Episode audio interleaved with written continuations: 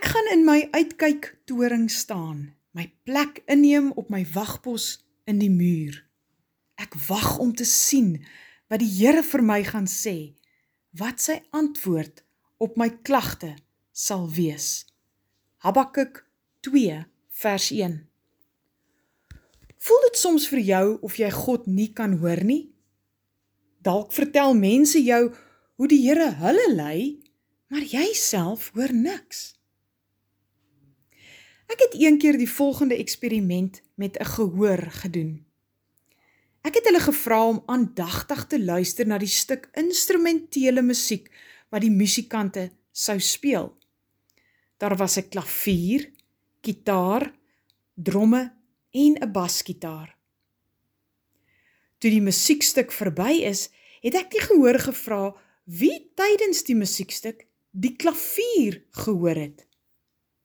Ongeveer 80% het hulle hande opgesteek. Ek het dieselfde vraag oor die kitaar gevra en so 50% van hulle het hulle hande opgesteek en met die dromme amper 40%. Op die vraag wie die basgitaar se klank kon hoor, het minder as 10% van die mense hulle hande opgesteek. Ek het toe die basgitaarspeler gevra om vir ons sy instrument te speel sodat ons kon leer hoe dit klink. Vir ongeveer 'n minuut het ons net na die basgitaar se klank geluister. Toe vra ek die musikante om weer dieselfde musiekstuk te speel en ek vra die gehoor om te fokus om die basgitaar te hoor. Na hierdie ronde het ongeveer 70% van die gehoor hulle hande opgesteek. Deur uitsluitlik net na die basgitaar te luister, sy klank te leer ken en te kies om daarop te fokus, kon die gehoor vinnig leer om die klank te onderskei van die ander instrumente.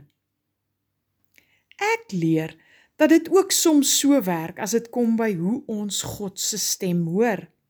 Daar is baie stemme in ons lewens waarna ons luister.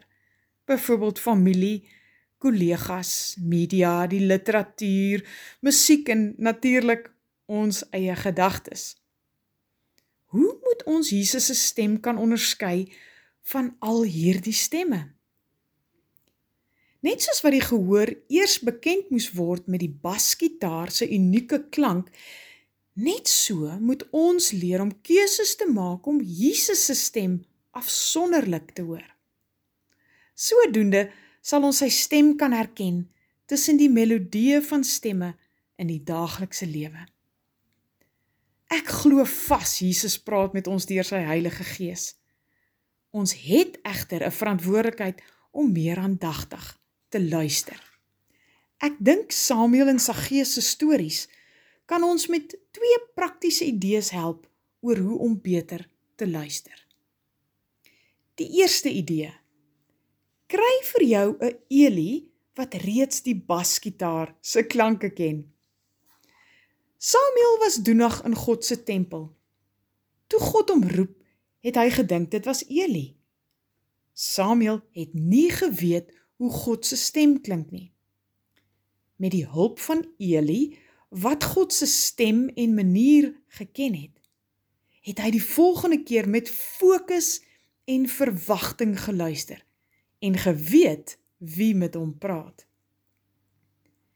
Die doel van 'n Eli in jou lewe is nie dat hy of sy namens jou hoor wat God sê nie, maar dat jy by hulle kan leer hoe God praat en hulle as 'n klankbord gebruik ten opsigte van wat jy dink God vir jou sê. Die tweede idee.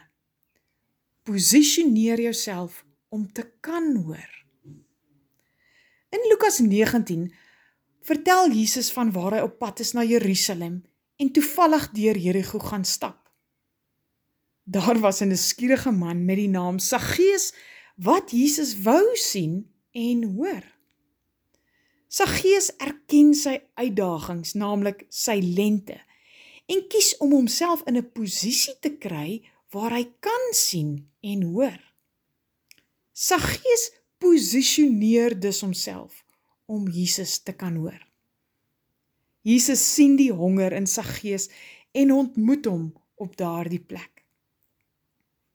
As jy regtig honger is, sal jy moeite doen om kos in die hande te kry. Is jy so honger om Jesus te hoor dat jy moeite sal doen om hom te kan hoor? Miskien is dit deur iets op te gee, soos 'n TV-reeks of 'n goeie storieboek. Miskien is dit om vroeër te gaan slaap sodat jy vroeër kan opstaan. Net omdat Saggeus kort was, het hy nie gesê, "Ag, wel, dis nou maar hoe dit is nie."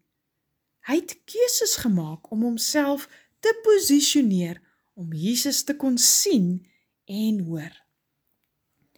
Ek erken dat dit tyd en oefening kos om te leer om met oortuiging te weet wat Jesus vir jou sê. Daarom moet ons bereid wees om elke dag beskikbaar te wees vir 'n luisterles. Moenie wag om eers Jesus se stem te leer ken wanneer jy in 'n krisis is of 'n groot lewensbesluit moet neem nie. Oefen op die klein dingetjies en raak so vertroud met God se manier van praat en leiding gee. Byvoorbeeld, vra hom om jou te wys wie vandag bemoediging nodig het. Of vra hom om vir jou te sê wat hy van jou stokperdjie dink of vra hom wat hy dink oor 'n spesifieke stuk wat jy gelees het. Soos Habakuk, Samuel en Saggeus kan ek en jy leer om met afwagting ons wagpos in te neem, wetende dat God met ons wil praat en gaan praat.